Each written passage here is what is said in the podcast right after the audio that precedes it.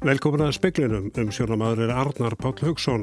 Málflutningur verður í landsréttarmálunu fyrir yfirdeildi mannréttindadómstóls Evrópi í Strasborg í fyrramálið. Barnahjálpið saminnið þjóðana telur ekki réttlætanlegt að fjölskyldur sem sótt hafum hæli hér á landi séu sendar aftur til Greiklands. Aðstæður þar séu afar bábortnar. Flest bendi til þess að sólarhengsverkvall eblingar verða á 50 dag. Í dag voru 3500 leikskólabörni sendt heim vegna aðgerða eblingar. Ný skýslum áhrif á lónubreystunum í fyrra leiðri ljósa þau voru enn meiri í vestmanegum en óttast var. Veðurstofan spáir miklum leysingum á morgun og 50 dag úrkomu og hlýjendum. Þetta getur valdið vatnavöxtum víða um land. Samfylkingin er næstæsti flokkurinn á alþingi samkvæð þjóðarpúlsi Gallups, fylgi hennar eikst úr 14% í átján. Sjálfstæðisflokkurinn mælis með 22% af fylgi. Málflutningur verður í landsettamálunu fyrir yfirdeildi mannréttida Dómsóls Evrópi í Strasborg í fyrramálið. Íslensk stjórnvöld vísuðu dómi mannréttida Dómstólsins um ólögmæta skipan landsréttadómara til yfirdeildarinnar síðastliði sömar. Dómaraskipanin leiti meðal annars til að afsagnar þáverandi dómsmálar á þeirra. Týjir íslenskra áhuga mannu máli eru komni til Strasborgar til að fylgjast með málflutningunum. Þar er Stígur Helgarsson fréttamaður. Stígur, já, er þetta aðalega lögfræðingar? Já, Arnar Páll, ég, ég reyndar er nú ekki, kann ekki deili á öllum sem eru hérna en ég það sé nú alveg óhætt að fullir að þetta séu að minnstakosti upp til hópa lögfræðingar með mismikla tengingu við málið sjálft. Það er hérna fólk til dæmis Sigriður Andersen fyrirvændi dósmálar á þeirra og eins uh, einhverjir landsreittar dómaranna sem hafa verið í leiði síðan mannréttindadómstólinn komst að því að skipan þeirra hefði verið ólögmætt sem eru komnir hérna út og ætla að fylgjast með. En svo er líka hérna annað fólk, dómarar, lögmenn, uh, þingmenn aðrir og uh, fólk úr kerfinu uh, eins og ég segi upp til hópa lögfræðingar sem eru bara hér út af einskerum áhuga á lögfræði og ætla að setja þennan málflutning sem að hefst í höfustöðum mannreitnindadómstólsins rétt upp úr nýju að staðartíma sem er, ég held að það sé 8.15 að íslenskum tíma. Og við ætlum að vera það líka og, og fylgjast með og segja fréttir af því sem að framferð þarna í, í öllum miðlum. Uh, já. En þínkaldi sjálft er mjög stutt, bara tvær klukkustundir, en hvernig er, er von á dómi? Þetta á ekki að taka um tvær klukkustundir en, en það verður öllu lengra, lengri byggð eftir domnum sjálfum. Það, það segja mér þeir sem að best þekkja til að, að, að hann kom ekki fyrir en eftir jafnvel sko 8 og upp undir 12 mánuði. Þetta er annað máli, það var annað mál sem yfirdeildin Íslandst sem yfirdeildin tók fyrir í, í haust. Málflutningur í máli tvekja lögmannagjast Jónssonar og Ragnars Hall uh, sem voru ósáttur við réttarfassegt sem þeim var gert að greiða. Uh, hún var, sá málflutningur var í haust en það bólar ekkit ennþá dómi núna fimm mánuðum síðar og það er samt mun smerra mál í sniðum. Ég fylgjast með á morgun Stígur Helgason, þakka þér kærlega fyrir. Á árunum með 2013 til 16 var 62 börnum sinjaðum efnislega meðferð hælis umsóknar á Íslandi sangvað því sem framkemri svari útlendingarstofnunar við fyrirspurð Þingmars Pírata í haust. Í flestum tilvikunum voru börn í fylg með foreldrum og var vísað aftur þanga sem þau komu og voru með hæli. Þessi máls meðferð íslenska stjórnvalda sætir gaggríni meðal annars að hún sé ekki í samræmi við barnasáttmálan, engum á þetta við um Greikland þar sem ástandi er mjög bábúrið. Að mati barnahjálpar saminuð þjóðana er ekki réttlætalegt að senda fjölskyldur þangað. Það er fyrst og fremst vegna þessa aðstæði fjölskyldna sem eru í, í þessari stöðu, eru flotta fólk, eru afabábornar. Þar er um helmingur barnana fær skólavist. Um, þar eru margir sem búa í tjaldbúðum um, er, og í tjaldbúðunum er mjög bara bábórin aðstæð öllu leiti hvað var það hreinlæti eða helbriðstjónustu annað slíkt. Þannig að með því að senda fólk tilbaka er, er mjög uh, mikla líkur að þú sérst að senda fólki afar bábórnar aðstæður, ímest á göduna eða tjaldbúðir eða eitthvað slíkt. Um, þannig að allar slíkar ákvarðir þyrtu mjög mikla ígröndun og rannsókn.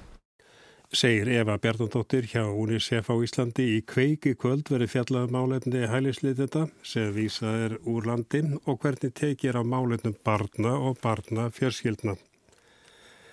Fyrsta verkvallið í kjaradeilu eblingar og Reykjavíkuborgar líkur á meðnætti. Í hátinu voru um 3500 leikskólabörni sendt heim vegna verkvallsaðgerða. Sáttafundur er bóðar í deilin á morgun og næsta verkvall verður á fymtudaginn. Það var standa yfir í sólarhing. En hver er staðan í viðræðanum?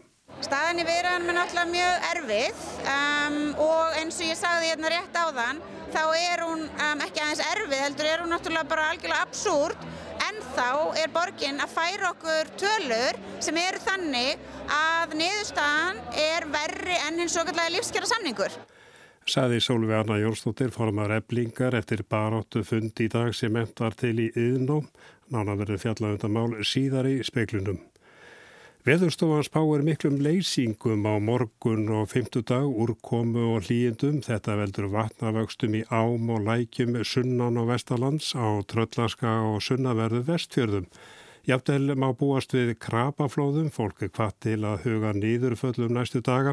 Híti gæti farið yfir tíu stiga á Norðurlandi þar sem rekna má með snjóflóðahættum. Gul viðvörun er í gildum allt land til hátdeis á fymtudag.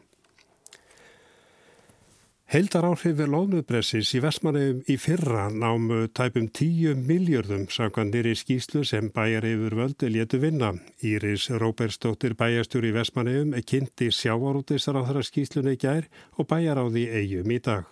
Helstu niðurstöðunar eru þær að fyrir utan gríðarlega áhrif sem þetta hefur á fyrirtæki í sjávarútvegi og það áallega tekjutöpp sem er upp á 7,6 miljardar þá eru 1000 miljónir í ætluðum launatekjum sem fara út úr samfélaginu í Vestmanni. Þetta verður áhrif á 350 manns sem hafa atvinna á þessu. Þetta eru um það byrj 60 áksverk sem tapast út úr samfélaginu á meðal annars og það er margt annað sem kemur fram líka í skýslunni. Er þetta, er þetta meiri áhrif en þið byggust við? Vissum þetta er þið mikið en það var samt svolítið sjokkarand að sjá þetta á bladi.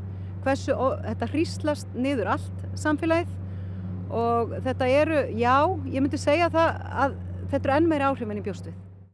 Sagði Íris Róberstóttir í vitali við Jóhann Bjarnar Kolbensson.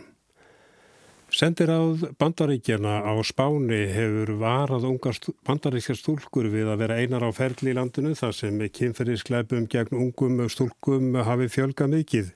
Þrjár bandarískar sístur hafa kært þrjá afganska pilda á söður Spáni fyrir nöðgun á gamlanskvöld. Spænskir fjölmilar segja vísbendingar um að ásakanir þeirra séu falskar. Tvö stærstu blöð spánar, El País og El Mundo, hafa fjallað ítarlega um málið. Þau segja að fólkið hafi hist á bar í Múrþía á gamláskvöld, einn sistrana hafi bóðið einum piltana heim með sér og hinnar tvær hafi svo farið heim til hinna tveggja piltana. Allar bera þær við að mennirnir hafi naukað þeim á báðum stöðum. Fjölmiðlar herma að mikið vantu upp á samræmi í framburði stúknana. Sexmenningarnir hafi varið miklum tíma saman eftir að mynd ofbeldi hafi átt sér stað Auk þess sem laurugla hafi fundið símaskila bóð frá því á nýjársdag þar sem stúrkurnar stingu upp á því að hitta piltana aftur þá um kvöldið. Stúrkurnar hafa allar yfirgefið spán án þess að mæta til skýslutöku hjá lauruglu. Verjandur mannana segja öll goggmálsins benda til þess að ásakanir sistrana séu uppspunni. El Mundo fullirðir að stúrkurnar hafi keift sér tryggingu sem hljóðaði upp á 50.000 evra skadabætur yrðu þær fyrir kynferðslegu ofbeldi. Jóhann Líðar Harðarsson saði frá. Samfylkinginni hefur auki fylgisitt um fjögur prósendustig milli mælinga úr 14% í átján að sangva nýjum þjóðarbúsi Gallups. Af þeim sem taka afstöðu sögðust tæpe 22% myndu kjósa sjálfstæðisflokkin, er ösklega 12% miðflokkin, er yfirlega 11% pírata og rúm 10% vinstri græn. Viðreistni fengir um 10% atkvæðan og framsóknarflokkurinn er tæp 8%. Þá fengi flokkur fólksins rúm 4% og sósialistaflokkurinn rúm 3%. Stöðningu við ríkistjóðunar stendur í stað millir mælinga og segjast tæplega 47 þeirra sem taka afstöðu stiðja hana og nánar er sagt frá konunnim á rú.is.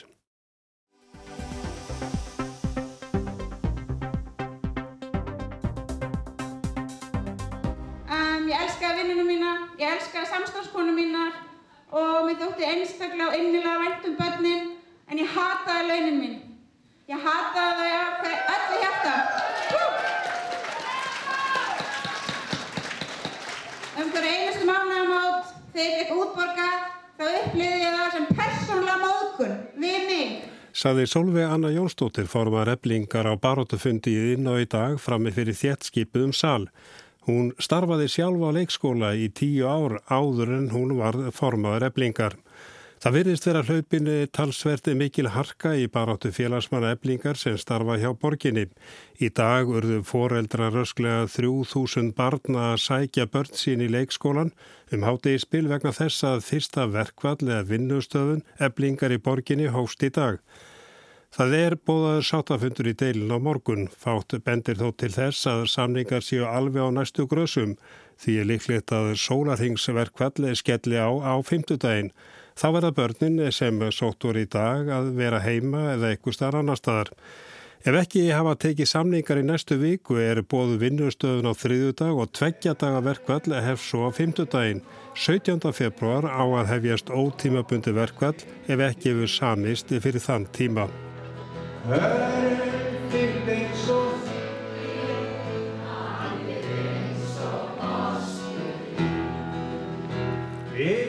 Stálan hlýfur söngu Bubbi Mortens og salurinn tók undir. Laun félagsmanna eblingar eru vissulega lág, ein kona sæðist vera með 280.000 til ráðstöfunar og á einu kröðuspjaldinu stóð ég ann börnunum en ekki laununum. Hins vegar er eblinga að fara fram á meiri hækkanir en hviðir áum í lífskjærasamningnum og meira en átján félög innan starfskrinarsambansins sömdum við sveitarfélögin. Sagan segir að þegar einn hópur fyrir fram á meir en aðrir rindi það á staði keðjuverkandi hækunum og að lokum standi menn aftur í sömu spórum. En óttast er svolvið annan að það gerist ef kröfu þeirra ná fram að ganga. Uh, nei, það gerist ekki ef að fólk fer um, að okkar um, tillögu og gætir þess að þetta séu sannarlega leiðrétting og kjara um, bót sem að fer til lægslaunaðasta hópsins. Um, okkar tilbúið gengur út á það að þessi sérstaklega leiðrétting fjari út í kringum 450.000 krónar markið. Um, þannig að svari við þessari spurningu er bara afdráttalust nei en svo langar mig þá að fá að nota tækifærið og benda á það sem að fram hefur komið og hefur um, vakið förðu lítinn áhuga að nú þegar eru stórir hópar búin að semja um, um bara höfrungarlaupið þannig að það ætla núna að koma til okkar og fara að kenna okkur um það að fara að fremja einhvern stórkostlan glæp gegn íslensku samfélagi er náttúrulega bara óþúlandi málflutningur. En er ykkur að líkur á því að það verðir samið? Hvernig finnst þið staðan að vera í viðröðum? Staðan í viðröðum er náttúrulega mjög erfið um, og eins og ég sagði hérna rétt á þann þá er hún um, ekki aðeins erfið heldur er hún náttúrulega bara algjörlega absúrt en þá er borgin að færa okkur tölur sem eru þannig að niðurstaðan er verri enn hins svo kallega lífskjara samningur. Þetta náttúrulega er algjörlega óbáðlegt og eftir allan þennan tíma komin á þennan stað þá er þetta ennþá staðan. En auðvitað verður á endanum samið, það gefur auga leið, um, borgin mun einfallega neyðast til þess að mæta okkur og um, gera það bara af skynnseminni sem að hlýtur að ríkja þarna einhver staðar í hinum herbúðunum og finna bara laust sem að báðir um, aðilar geta sannlega sætt sér við. Ekki ætlar borgin að halda áfram að halda hér stórum hópi, mestmægnis hvenna á launum sem að eru, já, bara algjör svífurða. En nú, samkvæmt uh, útreikningum borgarinnar, þá stendur ykkur til bóða sam og átján fjölu innan starfsmyndarsambandsins sömdum. Er það ekki rétt? Já, ég er ekki búinn að skrifa undir þann samning. Við sögðum okkur úr samflutinu við félagin í starfsmyndarsambandinu um, af þeirri einföldu ástæðu að um, við bara gátum ekki sætt okkur við það sem að þar var komið og svo eins og reyndar hefur komið fram áður að um, hinn einstaklega mikilvæga vinna sem að vaktavinnu hópurinn um, leggur nú stund á er ekki ennþá tilbúin. Þannig að ég veit ekki ég get ekki svarað fyrir það hvers vegna félaga mínir í starfsgrunnarsambandinu ákvaða að fara þessa leið en fyrir okkur þá kom það alls ekki til greina.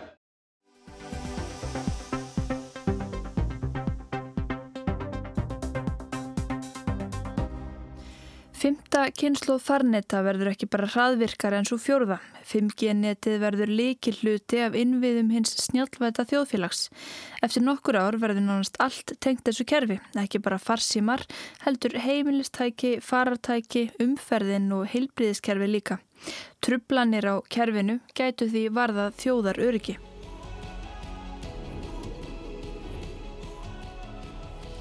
Huawei er eitt stærsta fjarskipta fyrirtæki heims, stopnaður 1987. Nafnið þýðir Kína lofar góðu. Fyrirtækið er framalega þegar kemur að framleiðslu búnaðar í nýja 5G farnetakerfið og ríkistyrkir eru saðir geraði kleift að bjóða lægra verð en keppinutanir. Bandaríkinn hafa beitt sér gegn kínverska fyrirtækinu og hvart önnu ríki til að sniðganga það. Þar á bæ óttast menna stjórnvöldi Kína geti nýtt 5G fjarskiptabúnaðin til að njóstna eða hafa óeðlileg afskipti af öðrum ríkjum. Ástæðan er svo að í Kína er í gildi lög sem hveða um að kínversk fyrirtæki skuli vinna með kínverskuleginni þjónustunni og veita kínverskum stjórnvöldum aðgengi að upplýsingum óskiði þess. Í umfjöldun á VF BBC, Braskaríkisútásins, segir að stjórnvöldi bandaríkjunum mótist að hakkarar stuttir af kínverskum stjórnvöldum getu hakkað sig inn á eitthvert tækjana sem tengt verður interneti hlutana og komist að kjarnakerfisins, til dæmis stöðvað starfsemi orkuvera eða valdið álíka usla. Huawei sem er með starfsemi víðum heim vísar svo bug. Stopnandin Ren Zhengfei segir að fyrirtæki myndi aldrei taki mála njóstna fyrir kýmversk stjórnvöld eða ógna upplýsingauriki ríkja fyrirtæki eða einstaklinga. Þáttaka Vávegi uppbyggingu 5G-kerfisins hefur mikið verið til umræðu í löndunum í kringum okkur. Í Noregi og Danmörku hafa stór fyrirtæki sem áður hugðust vinna með Vávegi snúið viðskiptum til Ericsson og fyrir jól fór allt í háalofti færæjum eftir að lögban var sett á umfjöldum færiska kringvarsins um viðræður stjórnvalda við fjarskiptafyrirtæki kýmverska. Ástralar og nýsjálendingar fylgja bandaríkunum sem vel á minnst eiga í viðskiptastriði við Kína. Þjóðverjar eru óákveðnir og breytar samþyktu á dögunum að leifa aðkomi á vegi að uppsetningu 5G-net þærlandi þó með ákveðnum takmörkunum. Í hjartakerfisins sem helstu gögn streyma um verður notaður búnaður frá öðrum fyrirtækjum. Þá verður búnaður frá Huawei ekki notaður í grend við herstöðvar eða kjarnorkuver. Íslensk stjórnvöld hafi verið þögul. Um miðjan desember sendi speillin samgöngu og sveitarstjórnaráðunetinu fyrir spurnum hvort ráðuneti hefðist gera einhverja ráðstafanir. Meta hvort eitthvað mæla á mótið í að íslensk fyrirtæki byggja upp 5G-net með búnaði frá Huawei. Svari var á þá leið að stjórnvöld hefði ekki sér tilinn til þess að gera formlegt áhættumat vegna fyrirtækisins. Ráðunetið hafi þó fylst vel með umræðu um fyrirtækið og alþjóðum vettvangi. Nú eru Íslensk stjórnvöld farin að skoða þetta nánar. Samgöngu og sveitarstjórnar á þeirra skipaði í síðustu viku starfsóp sem á að tryggja að uppbygging 5G-kerfisins verði örug og íslenska fjarskiptakerfið njóti áfram tröst spæði innanlands og utan. Starfsópurinn á að meta hvort breyta þurfi regluverkinu til að tryggja betur örugi. En voru stjórnvöld hér seina að taka við sér. Rappkjell Vaf Gíslason, forstjóri post- og fjarskiptastofnunar, segir að horfa verði til stöðu Íslands í þessu samhengi.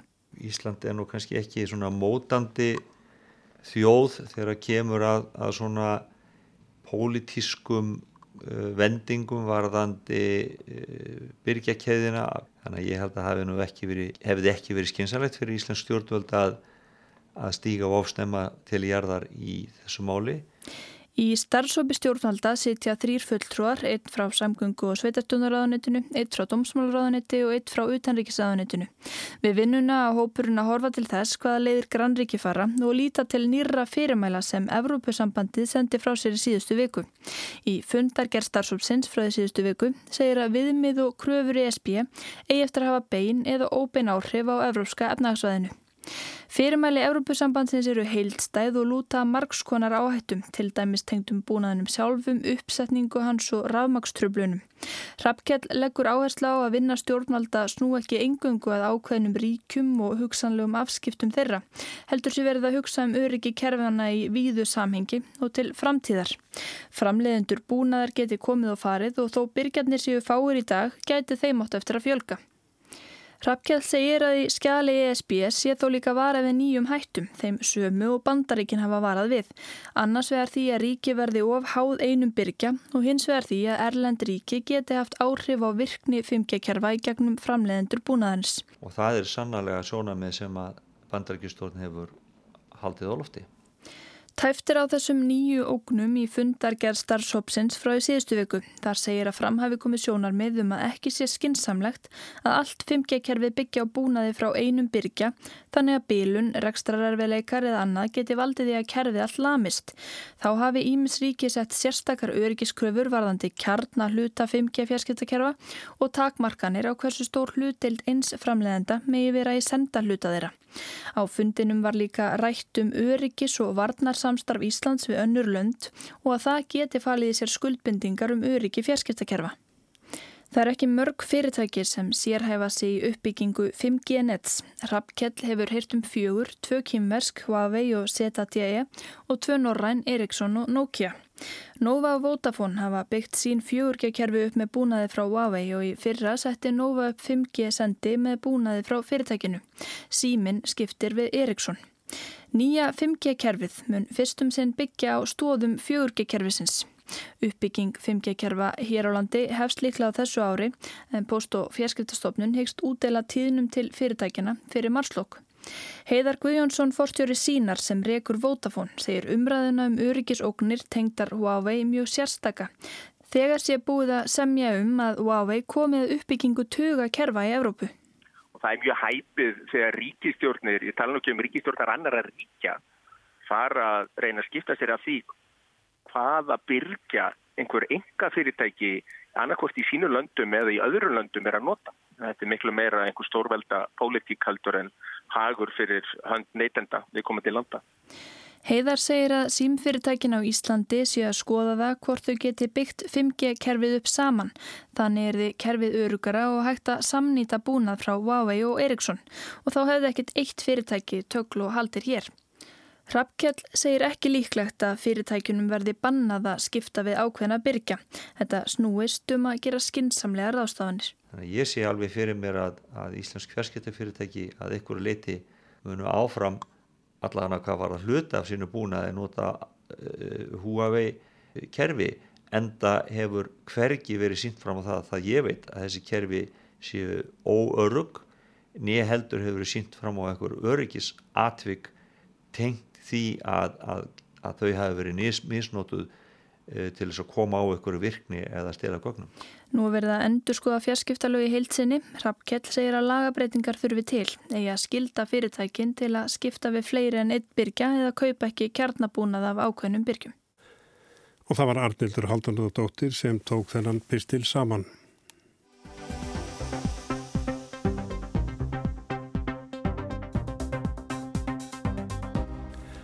Hamfara hlínun er að gera út af við Fenegar Afríkum. St. Louis í Senegal var höfuborg nýlendu veldis frakka í 250 ár en er nú að sökvi sæ eins og fjöldi annara borga á bæja. Rúmlega 100 miljónum manna á vestuströnd Afríku þurfa hugsanlega að flýja flóðarsveiði í náinni framtíð. Ahmed Diagne bendir á tré sem marar í kafi úti á Ballarhafi. Það er valla greinanlegt enda 50 metra frá ströndinni. Fyrir 35 árum samþykti konan hans undir þessu tré að eigða með honum æfinni. Í þá tíðu var tréð við aðaltorg Dún Babadíe, lítils fiskithorps í útjæðri St. Louis í norðurhluta Senegal. Þetta einmannalega trí og rústir skólans er það eina sem enn sérst af þorpinu. Allt annað er einn og hálfan metra undir sjáarmáli. Þorpshöfðingin fyrverandi Ahmed Diagne segir við Guardian að þarna úti á Ballarhafi sé öll hans saga sokkin í sæ. Í St. Louis búa 230.000 manns og borgin er á heimsminjaskrá UNESCO. Hún er oft kolluð Fenejar Afríku enda er hún við ósa fljótsins Senegal við strönd Allandsafsins. Senegal er vestast í Afríku, sunnan Máritani og Sahara, norðan við Gíneu Bissá. Frakkarvöldu St. Louis sem höfuðborg nýlenduveldisins enda vel í sveit sett. Hlínunjarðar og hækkun á yfirborði sjávar ógnar nú tilvist borgarinnar. Flóð og eigðilegging eru daglegt brauð. Mörg þúsund íbúar hafa þurft að yfirgefa heimili sín og hús eigðileggjast reglulega í flóðum. Mörg hundruð börn sækja skóla á kvöldin í stað morguns, skólanum skólaða og hafa út. Alþjóðabankin sem nýverið varði sem svarar þremur og hálfum miljardi króna til að berjast gegn afleiðingum hamfara hlínunar í St. Louis áætlar að 10.000 bæjarbúar hafi þegar mist heimili sín eða búi í mikilli hættu við ströndina. Þetta er þó aðeins forsmekkurinn, sangvænt rannsókn yfirvalda verða 80% borgarinnar á flóðasvæði fyrir árið 2080 og 150.000 manns þurfa að flýja heimili sín fyrir þann tíma. Megin hluti sjávarbyggðar í vestur Afríku er undir sömu sög seldur. Þar búa 105 miljónir manna, kvenna og barna. Mangóni Diagne hjá umhverfisráðunetinu segir í Guardian að staðan sé skjelvileg. St. Louis sé umflotin og algjörlega berskjölduð fyrir afleiðingum loftslagsbreytinga. Borgin sé einfaldlega að sökva í sæ, bæði að völdum manna og náttúrunnar. Meiri háttar mistök voru gerð árið 2003 þegar Senegal fljótið var við það að fljóta yfir bakka sína í miklu votviðri. Bæjar yfir völd ákvaða að gera stærðar áveitu skurð sem leti álæginu af fljótinu tímabundið en síðan hefur skurðurinn stækkað verulega. Nú er hann 6 kílometra breyður og hefur í raun skorið landið í sundur og gert hluta þess að eigu. Saltur sjór hefur flættinn og nánast útrýmt mörgum sjálfgefum fugglategundum og ekki síður fiskinum sem áður var nýttur í stórum stíl. Fiskimennir hafa þurft að leita á önnur og munverri mið með tilherrandi hörmungum. Kókostri og fennjaviður sem áður veitti mikilvæga vörn fyrir ágangi sjávar hefur drepist í stórum stíl. Uppskera bændur hefur hrunið á stórum svæðum fyrir vikið. Áður nefndur Ahmed Diagne sem bað sér konu undir tré sem nú er á hafsbotni þurfti að yfirgefa heimili sitt eins og 800 aðrir þorpsbúar í Bún Baba Die. Þorpsbúar höfðu allatíð lifað á fiskveiðum en heimkinnin og lífsbjörgin sokkin í sæ. Öldum saman höfðu feður kent sónum sínum að sækja gull í greipar ægis. Fimm sinir Ahmeds eru allir í skóla, þeir tveir elstu í háskóla. Hann vil veita þeim tækifæri í lífinu. Fiskveðar eru ekki lengur framtíðin. Haustið 2017 lagði fjögura metra flóðbylgja þorpið Guetnendar í rúst en það er rétt norðan við St. Louis. Hundrað heimili skóluðust á hafút, skólin, moskan og stór hluti kirkjugarsins. Þorpsbúar voru fluttið tímabundið í flóttamannabúðir. Emmanuel Macron, Fraklandsforseti, kom á flóðasvæðið og gaf 2 miljardar til að styrkja flóðavarnir í þorpinu. Tveimur mánuðum síðar var varnarvegurinn að mestur hrunin og Allandshafið gatt óhindrað haldið eigðileggingunni áfram. Ahmed Diagne segist ekki treyst á utanaðkomandi aðstóð. Hann fer fyrir hópi fólk sem rektar fennja við og föru við sem hann vonar að bindi jarðvegin í baráttunni við ágang sjávar. Hann vonast enn til að geta flutt aftur í þorpið sitt sem kvílir nú á hafsbotni. Pálmi Jónasson saði frám. Og við sögum frá því speiklinum að málflutningur verður í landstréttarmálunu fyrir yfirdeildi mannrettinda Dómstóls Evrópi í Strasborg í fyrramálið. Stígur Helgarsson fréttamaður er þar stattur og segir nána frá málunu í sjómarfréttum og eftir. Barnahjálpu saminuðu þjóðana telur ekki réttlætanlegt að fjölskyttu sem sótafum hæli hér á landi séu sendar aftur til Greiklands. Aðstæður þar séu afar bábornar. Um þetta verður meðal annars að fjallað um í þættinum kveik í kvöld. Flest bendir til þess að sólaþingsverkvall eblingar verði á 50 daginn. Í dag voru um 3500 leikskólabörn sendt heim vegna aðgerða eblingar. Og við ljúkum þessu á veðurspáni. Það er sunnan átt 8 til 15 metrar á sekundu með rigningu eða súld en heldur hægar og lítilsáttast litið eða snjókoma á norð-austanlandsum tíma. Hiti 0 til 7 stig hlýjar síðst. Sunnan á söðvestan 10 til 18 metrar á sekund og rigninga súld á morgun en úrkomu minna norðaustalands dregur úr vætum kvöldið hiti 4 til 11 stig hlýjast fyrir norðan og aðtúasendir veðufræðings hljóða þannig hlýjar sunnanáttir leikum landið með rigningu eða súld sunnan á vestarlands og talsverðri leysingu gul viðverunir í gildi. En það er ekki fleira í speklunu kvöld, tæknumöður var Ragnar Gunnarsson verið sæl.